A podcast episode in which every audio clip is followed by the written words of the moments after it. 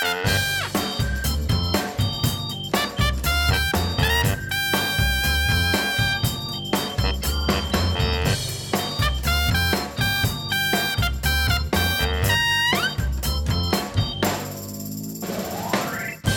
polarisatie viert hoogtij in Nederland en ook in Amsterdam.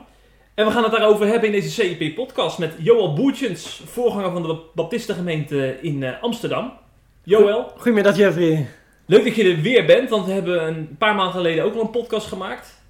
Toen ging het wat meer over eh, leven in coronatijd, onder andere, en wat actuele nieuwsjes daaromtrent. We gaan het nu hebben over eh, wat polariserende thema's meer. Eh, want ik heb het idee, toen wij die podcast opnamen toen, hè, toen waren we allemaal toch wel meer één. Want we samen streden we tegen een virus als Nederlanders. Het ging dus zo goed, eh, Het Jeffrey. ging heel goed. En inmiddels zijn we wat, eh, een paar maanden verder. Is er een heel racisme-debat op gang gekomen. Ehm, is er ook een rapport naar buiten gekomen over geloofsvervolging in jouw stad. En dan zie je toch alweer dat die eenheid verzoek is, hè? Ja, het ging snel weer eh, de andere kant op. Ja, En nu is er natuurlijk ontzettend veel gesprek over die polarisatie inderdaad. ja, ja. En eh, daar gaan we een aantal thema's eh, aan koppelen aan die polarisatie. Zoals ik al zei, eh, gaan we het hebben over racisme, eh, hoe mensen daarin staan. Eh, het rapport geloofsvervolging, daar gaan we zo mee openen. Maar we gaan het ook nog even hebben over jouw boek, over de vrouwen in de kerk. Want daar wordt natuurlijk ook verschillend over gedacht. En ook daarin heb je kampen. We hebben genoeg te bespreken. Er er staat van alles op het programma. Maar laten we beginnen bij het rapport, want eh, dat heeft natuurlijk een voorgeschiedenis, Joël. Ik eh, kwam eh, zo'n drie jaar geleden kwam ik een eh, tweet van jou eh, tegen. En daarin eh, zei je het volgende. Vanmorgen weer contact gehad met, gemeente, met een gemeentelid die in ons eigen Nederland wordt bedreigd door moslims. Wanneer komt hier eens aandacht voor? Hashtag boos. Je was not amused, zullen we maar zeggen. Nee, dat klopt. En het is wel mooi. Ik zie nu eh, soms ook als eh, media refereren naar eh, het hele proces. Dat staat Joël Boertje stapte naar de media. En joh, het is achteraf zie ik daar leiding in. Maar het is inderdaad vanuit een frustratie gewoon een tweetje geplaatst. En nooit gedacht dat het opgepakt zou worden verder. En, eh, ik twitter niet eh, doorgaans in dat soort termen. Nee. Val wel mee. Maar het was ineens vanuit het niets werd het door jullie opgepakt. En eh, via CIP Ja. is het in allerlei media beland. Wat, wat kwam er op gang toen het artikel op CIP stond? Werd je gebeld? Nee, dat is, eh, dat is de aanleiding inderdaad geweest. En al snel eh, was er een politica die contact opnam. eh daarna diverse politieke partijen. Uit Amsterdam zelf, hè? Ja, uit Amsterdam met Landelijk name. ook. E- Eerst uit Amsterdam, maar al heel snel aan dezelfde tafel, Jeffrey, waar jij nu zit, zijn aardig wat landelijke politici en Ja. lokale politici aangeschoven. Ja. En ook in de media kreeg het veel aandacht. Eh Wier Duk heeft er in de Telegraaf nog een, eh, in een grote artikel aandacht aan besteed. Reformatorisch Dagblad. En ik was ook eh, al snel bij Dit is de Dag op de radio. Dus er is ontzettend veel in de aandacht geweest. Ja. Voor luisteraars die, die het is ontgaan, jij hebt de noodklok geluid. Kun je nog eens kort toelichten waar het over ging? Die- Ja, zeker. Het gaat dus om ehm, eh, bekeerlingen met een moslimachtergrond die christen zijn geworden. En die in Nederland bedreigd worden. Kan eh, verbaal bedreigd zijn, geïntimideerd, maar ook tot fysiek aan toe. Dus er zijn meerdere situaties waarin eh, ja, ook mensen die ik ken, gemeentebezoekers, eh, ja, fysiek letsel hebben opgelopen. maar ook steeds bedreigd worden. En toen ik dat dus deelde en het tussen aanhalingstekens uit de klauwen liep, overal terecht kwam in de media. Nou, toen bereikte mij veel meer situaties ook vanuit andere kerken die daar ook door het hele land heen tegenaan lopen. Nou, via CIP is dat dus- breder gegaan en uiteindelijk, eh, dat was in december eh, 2017. En uiteindelijk in september 2018 heb ik in de gemeenteraad van Amsterdam, hier in de Stopera, eh, je, je mag een paar minuten inspreken. Maar meerdere politieke partijen die hadden mij daarvoor eh, gevraagd. Om eh, eh, in, in onze contacten of dat als een middel aangeven en dat zou mooi zijn. En uiteindelijk, dat is ook allemaal teruggezien, is er echt maar liefst een half uur vanuit eh, allerlei partijen een debat geweest in de gemeenteraad. En ik dacht, het moet niet een partijdingetje worden, of van de christelijke partij, of van die of, of, of andere partij. Dan gaan voor het karretje gespannen worden hè, met je verhaal. Daarom, en ik ben ook daarom heel bewust partijloos. Ja. En ik zet me in voor deze kwestie en voor andere kwesties. Het was een hele eh, mooie samenwerking eigenlijk tussen eh, de ChristenUnie, CDA, Forum voor Democratie en VVD, die echt daarin samen optrokken. En eh, het is een mooi debat geworden toen. En tijdens het debat hebben de andere partijen ook begrip getoond voor eh, wat er gaande is in jouw eh, kerk? Ja, wisselend. Uh, het was natuurlijk best wel spannend, hè? want je komt daar de Stopera binnen en mensen hebben heel veel ervaring. En dat zijn ook vaak de politici die later naar Den Haag vertrekken. En dan zo'n gevoelig thema, maar ik ontving een enorme rust van Jezus op dat moment. Ik dacht, jullie kunnen nog zoveel ervaring hebben, maar ik kom hier met Jezus binnen, ja. kan niks tegenop. Dat, dat, dat, dat ervaarde ik toen ook echt. En um, ik deelde dus in die paar minuten die je hebt uh, met name een aantal anekdotes en een aantal gebeurtenissen. En dan denk je, nou mensen die schrikken zich het leplazerus natuurlijk van heftig, dat gebeurt in mijn stad. Maar de allereerste reactie die kwam van een GroenLinks mevrouw en die zei, maar u heeft ook in de media iets naars ooit over de islam gezegd. Iets wat zij als naar ervaarde. En het was zo erg dat zelfs de voorzitter uh, direct in moest grijpen. Die zei, u mag een inspreken niet zo aanpakken en u oh. hoeft het niet te beantwoorden. Ik zei, nou, daar wil ik kort iets over zeggen. Heb ik verteld hoe we juist in de verbinding culturen samenbrengen. En dus dat was wel een aparte eerste respons. Ja. Maar er waren ook anderen hoor. Dus uh, ook van de oudere partij, mevrouw van Soesteedse meen ik. Mm -hmm. En, Zelfs Denk dacht ook wel met jullie. Ja, nou die wilde ik noemen. Denk die was heel uh, coulant in die zin dat ze zeiden, nou als het aan de orde is, onderzoeken en dat kan niet. Dus uh, dat was winst. Ja, ja zeker. Uh, burgemeester Femke Halseman was er natuurlijk ook bij uh, aanwezig. ze heeft dit, vol, volgens mij heb je toen ook in de media gezegd, dat je tevreden was over haar aanpak sindsdien. Ja, ik vond het heel mooi dat Femke Halsema op wie uh, zo nu en dan ook wel wat kritiek is natuurlijk. Uh, maar ik vond het heel mooi dat ze direct ook zei van uh, ik kom jullie bezoeken. Ja. Dus dat is wel echt iets vanuit haar hart. En nou, dan ben je benieuwd. Dan, van september 2018 wordt het november. Toen is ze hier gekomen. En ik dacht, ik wil het ook breder. Het moet niet een verbinding dingetje, zo in mijn kerk de verbinding zijn. Niet een politiek dingetje. Maar ik heb dus ook een andere voorganger uitgenodigd die daarmee kampt aantal slachtoffers uitgenodigd. Dus we zaten hier met een uh, man, vrouw uh, tussen de 10 en 12. En toen, toen proefde ik wel echt dat, hoewel het probleem schier onoplosbaar lijkt, dat ze wel een hele warme belangstelling hadden, de hmm. tijd voor nam en uh, er wel een, onderzoek gevolgd is. Dus ik vond het heel mooi hoe Femke Halsema dat heeft aangepakt. Oké, ja. Nou, dat is toch goed om even te benoemen, want vaak Tenminste, ik heb ook wel eens een beeld bij, uh, uh, bij GroenLinks dat ze nog wel eens willen wegkijken van dit soort kwesties. Maar dit wordt dus blijkbaar ook gewoon goed opgepakt in die kringen. Ja, kijk, officieel zijn uh, burgemeester staat boven de partijen. maar dat is logisch dat dat aan, aan, haar kleeft. En je, dat is natuurlijk haar partij. Maar waar, waar de fractie dus inderdaad nogal lomp en ongevoelig reageerde in de gemeenteraad, daar liet zij iets heel anders zien. Ja. Ja, dat scheelt natuurlijk inderdaad als je burgermoeder bent, heb je een andere rol dan GroenLinks fractievoorzitter. Dat zal geholpen hebben, ja. Ja, en ik denk wel dat zij, uh, hoewel ik met haar oplossingen op allerlei gebieden niet altijd de mm. mijne zijn, dat, dat haar hart wel op de goede plek zit, ja. Ja, ja, ja. Uh, ze heeft uiteindelijk toegezegd ook dat er onderzoek worden gedaan naar uh, geloofsvervolging in de stad. Uh, onlangs is er een rapport over verschenen. Eindelijk. Ja, je vond toch dat het wel wat lang geduurd heeft? Nou ja, het was uh, dikke anderhalf jaar. Ja. Uh, Met zo'n urgente kwestie. Mm -hmm. Dat vond ik wel lang. Maar, maar het is er... dat het dan zo lang duurde? Of is het... Nee, ik heb wel steeds geïnformeerd. En uh, speelt natuurlijk veel in Amsterdam. En het is, is natuurlijk ook wel een heel gevoelig onderzoek. Het werd ook heel snel breder getrokken. Dus mensen die van hun religie afvallen. Ja. Want nou ja, dat kan in Amsterdam natuurlijk niet. Dat je dan alleen onderzoekt hoe christenen dan mhm. bedreigd worden. Dus het is een breed onderzoek geworden. Maar ik weet niet precies waarom dat zo lang eh, heeft geduurd. Nee, nee. Wat viel je op aan de uitkomsten van dat uh, onderzoek? Ik vind het mooi dat er aandacht voor is. Dus je kan het in de media roepen ook hè, als burgemeester een bezoekje doen. Maar het was echt boter bij de vis, dus dat het onderzoek er was. En ja, uiteindelijk is er wel een, een beeld naar voren gekomen... wat ook de seculiere media weer opnieuw heeft gehaald... en waar best wel wat reuring ook ontstond. Je hebt natuurlijk zelf ook op CIP bijvoorbeeld Don Cede, Diederik Boomsma dossier van de ChristenUnie, Diederik Boomsma van het CDA, geïnterviewd. En nou, dus het zet het wel op de kaart. Dat is de eerste winst van het onderzoek. Er werden ook echt een aantal concrete situaties die werden in beeld gebracht. Het percentage dat dan uh, uh, ja, daarmee de indruk wordt gegeven dat het niet zo'n groot percentage is.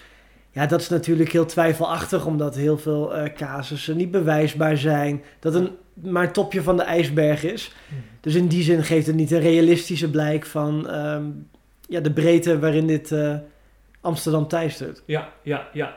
Om het eens eh, concreet te maken, er stonden ook een aantal punten in het rapport uh, van, van voorbeelden van christenen die aan de lijf hebben ondervonden hoe ze werden bejegend hè, door Ja, dus, en meerdere kende ik natuurlijk ook. En aan de andere kant aan het rijtje was er best veel toe te voegen. Dus we hebben ook niet super veel mensen geïnterviewd. Maar laat ik positief zijn, hè? want ik vind het heel mooi dat ze hier aandacht aan besteden, hoe ze het hebben gedaan. Maar het is een topje van de ijsberg. Ja. En dat erkent iedereen ook wel hoor. Dat wordt een, uh, meerdere mensen die noemen dat. Ja, ja. Wat zou er nou volgens jou concreet moeten gebeuren naar aanleiding van dat onderzoek? Lastige kwestie. Je leeft gewoon met uh, verschillende volken hier samen in Amsterdam. Uh, een van de meest internationale steden ter wereld. Behoorlijke moslimgroep natuurlijk, die er ook is. En dat is soms best een uitdaging om je weg te vinden. Ik heb wel wat ideeën die, die zouden helpen. Bijvoorbeeld een contactpersoon bij de politie hebben, een vaste persoon. We hebben ook erover gesproken dat het goed zou zijn dat bijvoorbeeld een voorganger, geestelijk leider, een melding kan maken als degene die bedreigd wordt, de bekeerde christen, als die niet durft aangifte te doen, maar zodat je toch de statistieken wat meer in, in beeld krijgt. Ik denk dat voor het onderwijs natuurlijk heel uh, belangrijke rol is weggelegd op middelbare scholen in Amsterdam. Een van de situaties die ik ook schetste, is dat een jongen uit mijn kerk in elkaar is geslagen omdat zijn moeder zich liet dopen en, en Jezus volgt. Dus ook op middelbare scholen is daar uh, probleem mee. Maar ook onderwijs uh, in, in, de inburgering is aan, aan bod geweest. Dat heb ik met name op Tweede Kamerniveau eerder al besproken. Dus dat zouden mooie stapjes zijn. Aan de andere kant, Jeffrey, van er komen mensen uit een totaal andere cultuur. En dus, er zullen nog heel veel immigratie zal plaatsvinden. Hè? En dat is behoorlijk wat. En daarin moet je ook niet naïef zijn dat door er wat aandacht bij te geven bij iedere inburgeringscursus, als je zo gevoed bent met denkbeelden over joden, over afvalligen. Maar eh, het kan een beetje helpen. Dat zou mooi zijn, maar ik denk niet dat het alles uh, oplost. En tot slot denk ik dat het goed zou zijn, uh, de aangiftebereidheid is laag. Omdat natuurlijk de enorme drempels om naar voren te komen met deze situatie. Maar ook omdat er in Amsterdam een klimaat heerst van wordt er wel iets met mijn aangifte gedaan. En het meest treffende voorbeeld daarvan vind ik, antisemitisme is natuurlijk ook veel in de aandacht. Hakarmel, het, het, Joodse restaurant, die, die werd met een overduidelijk, klippenklaar een antisemitische daad.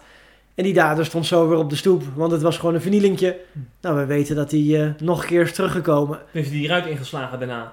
Ja, ja dat was de eerste keer, met ik al. Maar hij, ook nog iets hij is twee keer, ja. heeft hij in ieder geval vandalisme gepleegd ja. daar. Met antisemitisch motief. En nou, dat geeft weinig vertrouwen dan dat uh, als een uh, gemarginaliseerde groep bedreigd wordt, dat het dan heel serieus wordt opgepakt. Dus het ja. zou mooi zijn als daar wat ander klimaat komt. Mm -hmm. Ja. Um, een links-rechts discussie zou je eigenlijk niet moeten hebben hè, met, bij dit onderwerp, want iedereen zou tegen uh, vervolging moeten zijn, tegen vandalisme. Dat lijkt me wel. Ja, maar soms kan naar aanleiding van een debat bijvoorbeeld toch een indruk ontstaan dat er, dat er toch uh, kampen zijn. Bijvoorbeeld naar aanleiding van jouw radiodebat op Radio 1 met cultuurtheoloog Frank Bosman. Daarmee ging je in debat met hem. Um, misschien is het goed om even uh, een fragmentje te laten horen en dan gaan we daar nou over doorpraten. Gaan we doen. Nou, ik denk dat er genoeg mensen in Nederland zijn die uh, bijna hun uh, beroep ervan gemaakt hebben om alles wat met moslims te maken te hebben te bekritiseren. We hebben zelfs uh, een aantal partijen in de Tweede Kamer die daar hun bestaansrecht aan ontlenen. Dus ik denk dat ik dan als theoloog daar niet zoveel over hoef te zeggen, want die kant wordt eigenlijk, hè, de donkere kant van de islam zal ik maar even zeggen, die wordt te pas en te onpas over ons uitgestort. Ik denk dat het goed is dat ook de andere kant van de zaak belicht wordt. En bijvoorbeeld te wijzen op de zwarte bladzijde in onze eigen christelijke geschiedenis... en ook te laten zien uh, aan de andere kant dat het voor uh, een, een moslim heel ingewikkeld is... bijvoorbeeld om ja. uh, over te stappen, omdat je in een hele sociale context zit... waarin die religie ja. veel belangrijker is dan voor ons Westelingen. Ja. Maar uh, ik heb wel de neiging om uh, zeg maar ruimte te vragen... voor niet voor geweld, niet voor discriminatie... maar wel wat ruimte te vragen voor het, de pijn en het verdriet... die het ook in een islamitische samenleving geeft... of in een groep geeft als een van hen eruit stapt, een christen wordt of ongelovig wordt. En wij hier in het Westen hebben religie en cultuur en familie wat van elkaar los kunnen koppelen. Voor hen zit dat nog heel strak Ja, ja, in dus jij elkaar zegt geknoopt. eigenlijk voor die mensen die eh, bedreigen, moeten we eigenlijk begrip hebben. Nee, want als je het nu zo zegt, val ik, dat, dat ga ik natuurlijk niet ja zeggen. Want je moet voor bedreigen en voor geweld nooit begrip hebben. Die moet je, moet je altijd ten strengste veroordelen. Daar hebben we een OM voor en een politie Ja. voor die daar achteraan kan gaan. Maar ik wil wel begrip vragen dat het, eh, zeg maar, als een moslim christen wordt... of ongelovig wordt, dat het voor die omgeving van die ex-moslim... veel ingewikkelder is om dat te accepteren... dan voor ons in een westers-christelijke omgeving. Maar voor geweld is er nooit Nee. plaats. Ja, Joel, ik ben toch wel erg benieuwd hoe jij nou tegen dit soort uitspraken aankijkt eh, van Frank Bosman. Nou, ik vond het wel mooi ehm, om eh, hierover te spreken met een theoloog. Omdat dat natuurlijk ook mijn expertise is. Ik ben geen politicus. Maar ik vond het eh, debatje, het gesprek dat we voerden, wel ontluisterend. En dat werd ook wel ehm, heel breed opgepakt hoor. Mensen die, eh, als je het hele interview luistert, wat nog steeds kan op Dit is de Dag. Dan is, was er ook iemand anders ehm, bij het gesprek die, die aangaf van wow. En Joran van Klaveren was er heel boeiend. Ja, achteraf. PVV, nu Ja, toen nog christen denk ik, maar wel echt enorm in het proces al, al bezig. Maar die nam het ook enorm eh, op. En ik verweet eh, Frank Bosman, eh, hoewel het een prettig gesprek was, dat hij enorm het leed bagatelliseerde. Kijk, als er mensen in elkaar worden geslagen, iemand een kogel bijna door zijn hoofd krijgt van zijn eigen vader in zijn thuisland. Als dan jouw reactie is van, joh, maar kijk eens naar de pijn van de moslimgemeenschap. We moeten ook zorg voor hen hebben, want het is heel lastig voor de gemeenschap. Eh, nou, je had meerdere van de eh, dergelijke uitspraken. Alain Verheij die nam me behoorlijk op de korrel. Ja, ook een theoloog. Ook een theoloog. En, en die zei van... ehm, ja, Open Doors is ook veel te stigmatiserend bezig... door een ranglijst te maken van vervolgde christenen... en in de top staan er allerlei moslimlanden. Gaat ver, hè? Dat gaat echt ver. Nou, daar heeft hij terecht ook wel eh, aardig wat kritiek op gehad. En ik heb natuurlijk ook vanuit een theologisch perspectief soms in wat interviewers eh, geduid. En die discussie durft gewoon heel weinig theologen aan, want dan hou je het veilig politiek of links-rechts. Hm. Maar dat de islam en, en de Koran natuurlijk wel de nodige aanleiding geeft tot dergelijk gedrag. En ook christelijke politici durven dat debat vaak niet zo goed aan, want zijn ze bang van er komt de onderwijsvrijheid in het geding. Maar als je doet alsof het christendom en islam gewoon twee smaken zijn. En dat die religies eh, een beetje dezelfde implicatie hebben. Want achter de voordeur, of je nou tot Allah bidt of tot, tot eh, ons God. Maar er is een enorm verschil met wat er met de islam meekomt. eh, ook in de geschiedenis en, en eh, vandaag de dag. Niet dat christendom alleen maar vrije dingen heeft hoor, meegebracht. Maar er is naar mijn idee wel ook theologisch gewoon best veel over te zeggen. En vandaar dat ik dat wel heb geduid ook. Ja, ja, ja. Wat mij dan al opvalt, eh, theologen die vaak ook in de media aan het woord komen, en, bij de NPO, zoals een Frank Bosman of een Alain Verheij of een Rico Voorberg bijvoorbeeld, ehm, die, zou- die, die vinden het toch lastig om dit soort dingen ook eh, op de kaart eh, te zetten. Terwijl je zou denken, eh, juist als je in dezelfde traditie als jij staat, dan, dan zou je toch ook hier toch wel wat, wat een ander geluid over mo- moeten laten horen, zou je denken. Het is eigenlijk als theoloog done eh, om er zo over te spreken. En voor mij was het exemplarisch. Ik, ik ga de programma's er zo niet noemen, Ja. maar ik zou inderdaad ook in, de, in, de- in, de- in een tv-programma verschijnen. En toen wou ineens niemand het debat eh, voeren en die hadden allemaal smoesjes en dat, dat werd gewoon gecanceld. En ook, ook, ook lang bij christelijke media zie je niet, lang niet altijd hier aandacht voor. Ik denk omdat ze ook wel vaak in kampen denken. En ik heb ook in al mijn interviews gezegd, joh, we zijn juist een kerk die ook zorg draagt voor vluchtelingen. En ook al word je niet christen, dan hebben we goed contact met je en dan willen we ook helpen. Alleen, het is vaak of je bent eh, rechtsextremistisch en tegen de islam, of je eh, wil dat er, eh, iedereen is van de wereld en de wereld is voor iedereen, iedereen moet hier kunnen komen. En nou, dat past wel bij de polarisatie waar we over spreken. En ik zoek daar een middenweg in. En, en op het ene thema denk ik zus, het andere thema denk ik zo. Ik vind de islam vind ik een hele gevaarlijke, eh, eh, gevaarlijke kanten aan zitten. Eh, qua religie, qua ideologie. En tegelijkertijd wil ik voor elke moslim die ik hier in Amsterdam eh, tegenkom een zegen zijn. En niet alleen in vrome woorden, maar ook in de praktijk. En voor mij kan het prima hand in hand samen gaan. Ja, ja. Maar niet voor iedereen. Hand in hand, dat doen ze ook vooral in Rotterdam, hè? Ja, daar moet ik hier voorzichtig Ja, mee zijn zeggen- natuurlijk. Nu ben ik een PSV'er, zoals je weet, Jeffrey. Dus dan valt het allemaal nog wel mee. Oké. Ehm, we, gaan, we gaan naar het racisme-debat, eh, Joël. Want ehm, ja, we zijn, we zijn natuurlijk in Amsterdam. En ook hier leeft dat natuurlijk enorm. We eh, weten nog de 4 mei-demonstratie, wat eigenlijk volgens mij voor een deel al is begonnen, dat debat in Nederland. Toen eh, eh, Black Lives Matter en andere sympathisanten van die beweging naar de Dam gingen om hun geluid te laten horen. En ik dacht gelijk van, zouden daar ook mensen bijvoorbeeld van de Baptistengemeente in Amsterdam ook tussen zitten? Want jullie zijn een nation- internationale kerk, hè? Jazeker, we hebben een multiculturele kerk. En dit is ook een thema wat zeker leeft bij een eh, deel van onze leden, onze bezoekers.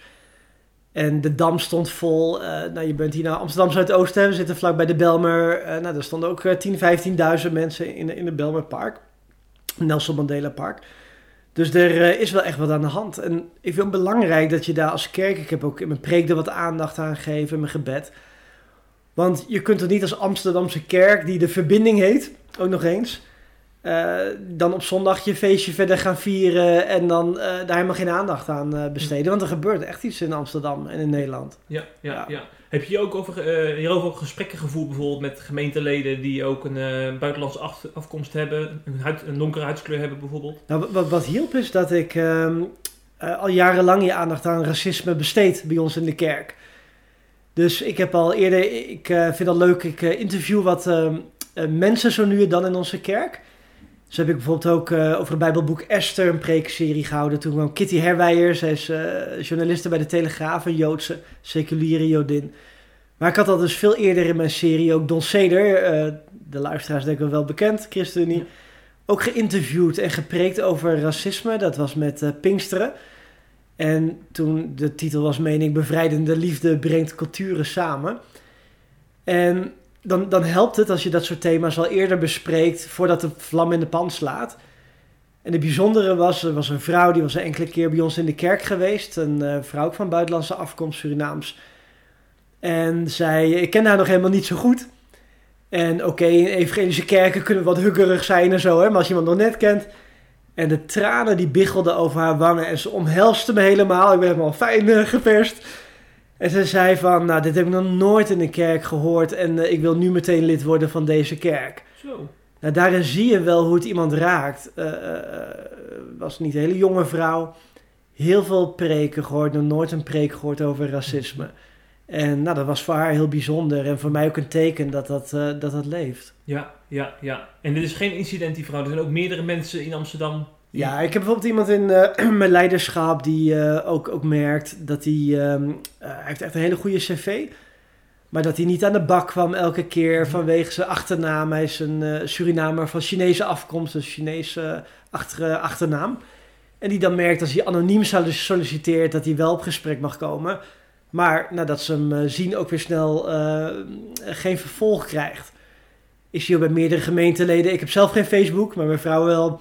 En dan hoor ik ook dat meerdere gemeenteleden, van wie ik ook weet eh, dat ze eh, ja, op zijn minst het gevoel hebben om gediscrimineerd te worden. Dat zij ook eh, ja, lustig allerlei posts delen. En dat het echt een hot item is bij een deel van de mensen. Of ook mensen die zeggen, joh wel, gemeenteleden, wil je hier een statement voor maken zondag? Nou ben ik nooit zo van die statements, Jeffrey, van of nou evolutie of homoseksualiteit. Want je weet altijd hoe het gaat. 20% die klapt de handen stuk. En zegt, oh Joel, wat ben jij een stoere voorganger. 20% die heeft kritiek, want dan moet je niet zo doen. En ik richt me veel meer op die 60% in het midden van waar willen we die in bewegen. En het is heel makkelijk om applaus te scoren met alle statements. Hm. Van links of rechts. Of eh, welke kant dan ook. Maar ik heb wel dus in mijn gebed uitvoerig in, in die mei-zondag aandacht aan besteed. Ja. En dan heb ik eigenlijk twee dingen gebeden. Aan de ene kant dat de pijn geheeld mag worden van diegenen die eh, eh, zich racistisch bejegend vo- voelen en dat ervaren en merken.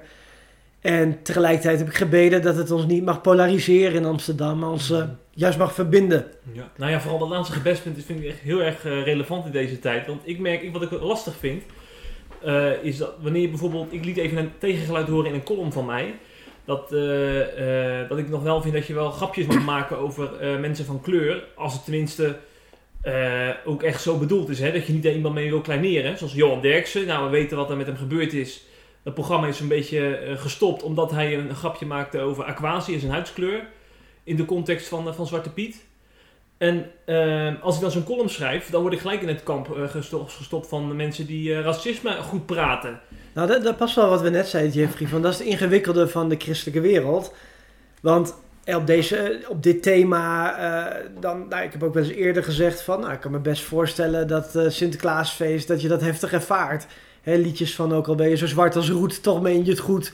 Nou, die, die Zwarte Piet is de domme knechten. Nou, allerlei in ieder geval dingen dat ik me heel goed kan verplaatsen. Nou, een boek geschreven voor de positie van de vrouw. Dan zeggen mijn conservatieve vrienden... Joël, waar ben je allemaal mee bezig? Ja, tegelijkertijd krijg ik aan de andere kant bakken kritiek... als ik Thierry Baudet in onze kerk eh, heb uitgenodigd destijds. Johan Derksen, die is ook in onze Ja, kerk ja. geweest. Eh, tegelijkertijd ook Lilian Marijnissen, Beatrice de Graaf. Maar mensen die, die kunnen er geen weg in vinden... als je niet of in het ene kamp zit of in het andere kamp. Nou, dat heb je zelf dus ook gemerkt met die column. En dat vind ik ontzettend verdrietig omdat dat enorm polariserend is. En als je het één vindt, dan zul je ook wel zo zo zo vinden en zijn. Dat vind ik echt heel triest. Ja. Zeker van christenen. Eh, ook bij een debat als racisme, dan denk ik van... In principe, laten we eerlijk zijn, 99% is tegen racisme. Eh, Tuurlijk. Dan kunnen we toch beter met z'n allen tegen eh, die 1% die, die wel racist is, kunnen we in verweer komen. In plaats van dat we nou allerlei eh, van die discussietjes voeren, van de, eigenlijk de randzaken vooral belichten. In plaats van het- de, de kern van het hele verhaal, volgens mij. Ja, je denkt dus aan de ene kant, hè, eh, Black Lives Matter, dat is een hele extreme groepering, vind Ja. ik. Ook als je daar goed in verdiept, wat er allemaal mee samenhangt, dan eh, is dat niet alleen maar frisheid. Mm. En ook een van die organisatoren, die zit volgende week weer te oreren tegen Israël daarna. Eh, nou ja, dat is ook een bepaald soort club. Aan de andere kant mensen die zeggen, joh, je hebt toch nergens last van. En even doorzetten, dan komt het wel goed. Ik denk dat dat allebei geen goede wegen zijn. Maar ja, negeren dat er sprake is van racisme. Kijk of dat dan systematisch, institutioneel, wat voor term je erop moet plakken. Maar dat er wel eh, regelmatig racisme voorkomt en dat het niet een heel klein probleempje is. Ik denk als die hele Dam vol staat, als het hele Nelson Mandela Park vol staat, maar ook in plaatsen waar ik het helemaal niet had verwacht, in Brabant, in Leeuwarden meen ik, ja, dan is er toch wel echt wat aan de hand. En ook, ook al vind je van dat is onzin, blijkbaar ervaren toch heel veel mensen dat wel op die manier. En dan moet je er toch wel bij, denk ik. Ja, ja, ja. En, Ja. en veel mensen, zijn, ook christenen, zijn verbaasd. Eh, deel jij die verbazing voor een deel? Want jij zegt al dat voor die beweging al bij jou op de picture stond, hè, racisme. Zeker. Maar ben je toch verbaasd door wat alles, door wat alles eh, nu zeg maar losmaakt? Ja, aan de ene kant ben ik enorm verbaasd. Hè. Er wordt een agent in eh, Amerika ontzettend naar vermoord. Waarbij ook nog niet eens bewezen is of het racistisch motief is. Ehm, en nou, we hebben net over vervolgde christenen gehad. Als er daar duizend eh, christenen eh, op een plek of, of veel meer mensen worden vervolgd, dan ontstaan er helemaal geen demonstraties. Dan zal de politie, wat ik ook trouwens niet zo verstandig vond, omdat je neutraal moet zijn, maar die gaan dan niet neerknielen bij een demonstratie. Wat, wat, wat wel bij deze demonstraties aan de orde was. Het heeft me wel verbaasd in, in die zin. Aan de andere kant laat het wel zien van als er eh, een aanleiding is in Amerika, dan leefde dat gevoel wel veel en veel dieper dan je denkt. Dus daar kan je het ook niet meer afdoen met, ja, dit is even opgejut allemaal. Blijkbaar is er ontzettend veel voedingsbodem en zijn er heel veel mensen die echt die hele diepe pijn van ervaren. Ja. Los of je dat terecht vindt of niet, maar die pijn is er gewoon. En ik denk wel dat er ook aanleiding voor is. Die pijn hebben we bijvoorbeeld ook benoemd in het Reformatorisch Dagblad. Ik zag dat ze de, deze week bijvoorbeeld eh, een, een docent van een school hadden geïnterviewd die een donkere huidskleur heeft, vaak ook racistisch wordt bejegend. Maar deze krant heeft ook een interview gedaan met Orlando Bottenblij, eh collega-voorganger van jou hier in Amsterdam. Die ken ik, Jeffrey. jou heel bekend inderdaad. Ja, ja. En eh, hij stond twee pagina's, eh, kreeg hij in, de, in het RD, wat wel uniek is. Hè? Het is een reformatorisch dagblad en dan baptistenvoorganger op de, bijna op de voorpagina. Dat vind ik wel leuk. Ja, nou, ik heb er toen ook gestaan hè, met de vorige kwestie die we hebben besproken. Ja, ja, precies. Ja, nou, mooi. En eh, eh, wat mensen opviel aan het interview is dat Bottomblij eh de racisme opheft toch wel wat, wat relativeerde. Hij zegt dat minderwaardigheids, of minder waardigheidsgevoelens dat die worden overdreven. En hij ziet zelf in de kerk nauwelijks racisme. Dan ben ik toch benieuwd hoe jij dan dat interview hebt gelezen. Ja, ik heb niet met hem over gesproken. maar ik denk in de kerk, onderling, maak ik geen racisme mee. Als, je, als hij dat bedoelt, dat er in de kerk mensen niet eh, elkaar discrimineren. Ja, dat is mij gelukkig ook niet bekend. Eh, ook ehm, de kerk waar ik hiervoor acht jaar voorganger was, in Os. Dat was ook een multiculturele gemeente. En dat is juist een oase eh, waar je jezelf mag zijn. En waar je juist verbinding ervaart. In de maatschappij, het is natuurlijk goed dat er ook stemmen zijn die zeggen: van, is het niet geïmporteerd uit Amerika? Wordt het niet groter gemaakt? Dat, dat, dat, dat mag je zeggen. Ik snap dat ook wel. Aan de andere kant, wat ik je net al zei, als zoveel mensen die gevoelens hebben. En ook al zouden die mensen, wat ik betwist, maar al zouden die mensen onterecht die gevoelens hebben, wat help je er dan mee om te zeggen van joh, het valt allemaal wel mee? Mhm. Dus ik vraag me altijd bij dat soort uitspraken, van wat ik zei, bij 20% zal dat applaus opleveren. En, maar ik denk, ook, ook, al zouden daar niet alle aanleiding voor zijn, je wilt toch die mensen helpen. We willen toch mensen helen als kerk. Dus ik zou toch kijken van wat kunnen we doen om, om die groep te zegenen en te supporten. Ja, ja, ja, dat is een mooie oproep van jou inderdaad, om dat eh, te doen. Ehm, burgemeester Hansema trouwens, die eh, was natuurlijk een tijdje geleden flink onderwerp van gesprek hierover. Hè, rondom die 4 mei demonstratie, hoe, hoe ze dat aangepakt. Eh, een tijdje geleden vroeg ik jou... het was niet op 4 mei hè? 4 mei was de dodenherdenking. Oh, sorry. Dat was, Geen niet... Tweede Pinksterdag bedoel ik, ja. ja. Eh, ik zei, 4 mei, hoe kom ik daar nou weer bij? Oh, ik, denk, ik weet hoe ik bij 4 mei kom. Toen was natuurlijk koning Al- Willem-Alexander daar. En toen was het hartstikke stil. Da- daarom daarom Ja. was het kritiek dat er op de dodenherdenking net ervoor geen mens was. Juist. Dus uh, vandaar, ja. Ja, ja, ja, ja. Ik vroeg een tijdje geleden vroeg ik eh, bij onze videoserie over jouw boek over vrouwen in de kerk, vrouwelijk leiderschap. eh, vroeg ik, wat als Femke Hansama nou tot eh, geloof komt hè, en in jullie eh, kerk eh, binnenkomt? Ik was eventjes bang dat die vraag zou wegvallen, want er was serieus sprake van dat ze zou moeten vertrekken als burgemeester. Zoveel kritiek kwam er toen los op hoe ze die demonstratie had aangepakt. Dus ik ben toch blij dat ze gebleven is, want dan is die vraag toch nog actueel gebleven. Zeker te weten. maar ook als ze niet burgemeester meer zou zijn, dan is Femke Halsema meer dan welkom in onze kerk, Ja, Jeffrey. Ja. Maar toen ik die vraag dus aan jou stelde, Joël, toen antwoordde jij in die videoserie het volgende. Zij, zij staan als metafoor van wat doen we met vrouwen die enorm bekwaam zijn. ehm, die een succesvolle carrière, misschien wel binnen een bedrijfsleven. En dan komen ze hier in de kerkbank zitten. Ja. Ehm, ik zie vaak twee oplossingen. De ene oplossing is dat we ze van alles laten doen en we noemen het gewoon anders. Dus eh, eh, dan in veel kerken, dan mogen ze op dinsdag van alles doen als ze onderwijs geven. Eh, en ook echt wel smiddags. En eh, behalve dan van eh 10 uur s ochtends tot half twaalf in de kerkzaal, dan mag het niet. Andere tijden wel. En als het in de kerkdienst toch gebeurt, dan doen we het gewoon een getuigenis. Geef de andere benaming, want dan lossen we dat zo op. Ik denk dat je daarmee voelen mannen zich heel royaal van zie ons dus wel ruimte geven. Maar dat we daarmee voorbij gaan aan de pijn die het vrouwen doet, dat we ze niet erkennen voor hetgeen wat ze doen. We laten ze als notulist zitten bij een raadsvergadering, noem maar wat, en dan steeds wel haar mening geven, want vinden we belangrijk. Maar we zeggen dan, ze is geen oudste. Of we zeggen, nee, dit is een adviesgroep van de raad. Ik noem maar wat, allerlei constructies.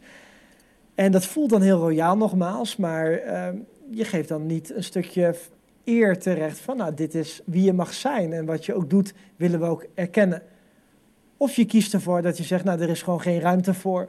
God heeft jou zo gemaakt met zulke kwaliteiten. Ga Facebook Company leiden. Ga Amsterdam leiden. En zing lekker de liedjes mee. En misschien met kinderwerk kunnen we wat assisteren. En eh, ja, dat kan je ook doen. Ja, Hm. ik geloof niet dat God mensen maakt. En het is echt ons westerse denken om alles in hokjes op te delen. Hè?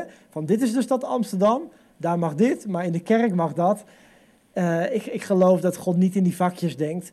En als hij een vrouw leidinggevende functie, eh, gaven geeft, bekwaam maakt en roept door de Heilige Geest, dat juist de kerk bij uitstek de plaats mag zijn waar de vrouw ook vrucht mag dragen, ook op dat gebied. Ja, en wie de hele videoserie wil kijken, die kan naar cip.nl gaan, hè? want we hebben vijf video's gemaakt over eh, jouw boek.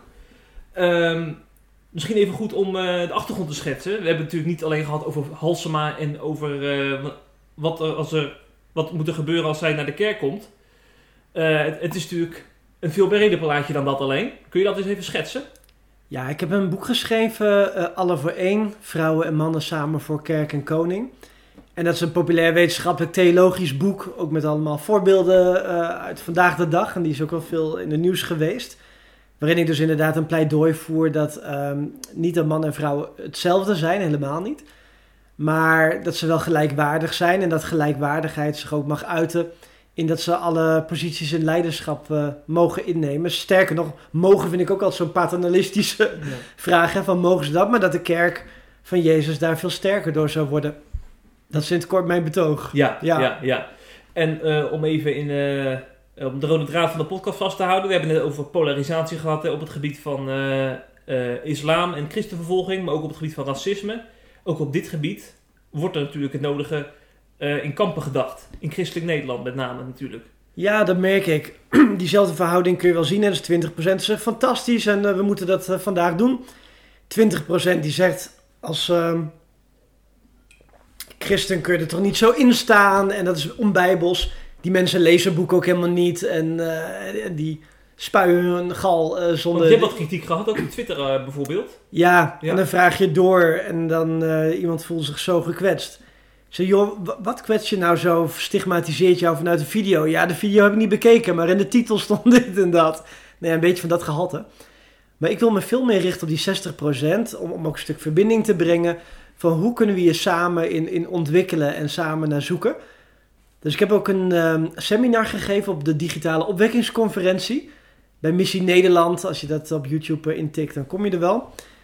En ja, daarin wil ik ook gewoon niet alleen een boek schrijven van zo eh, eh, denkt God er, eh, spreekt God er in de Bijbel mijns over. Maar wil ik ook kerken helpen om daarmee aan de slag te gaan. En dan niet inderdaad van iemand die eh, geen ruimte ziet. Nou, dat is een witte oude man en die is bekrompen, die is achterhaald. Hè, wat je ook uit die kant hoort. Maar ook niet van als je deze stellingname inneemt. Nou, dan ben je een vrijzinnige theoloog en dan zul je ook wel op die en die gebieden gaan schuiven. Ik zit veel met kijken van hoe kunnen we met elkaar het eh, gesprek aangaan. Mhm. En daar, daar help ik ook andere kerken mee, heb ik al wel eens eerder gedaan.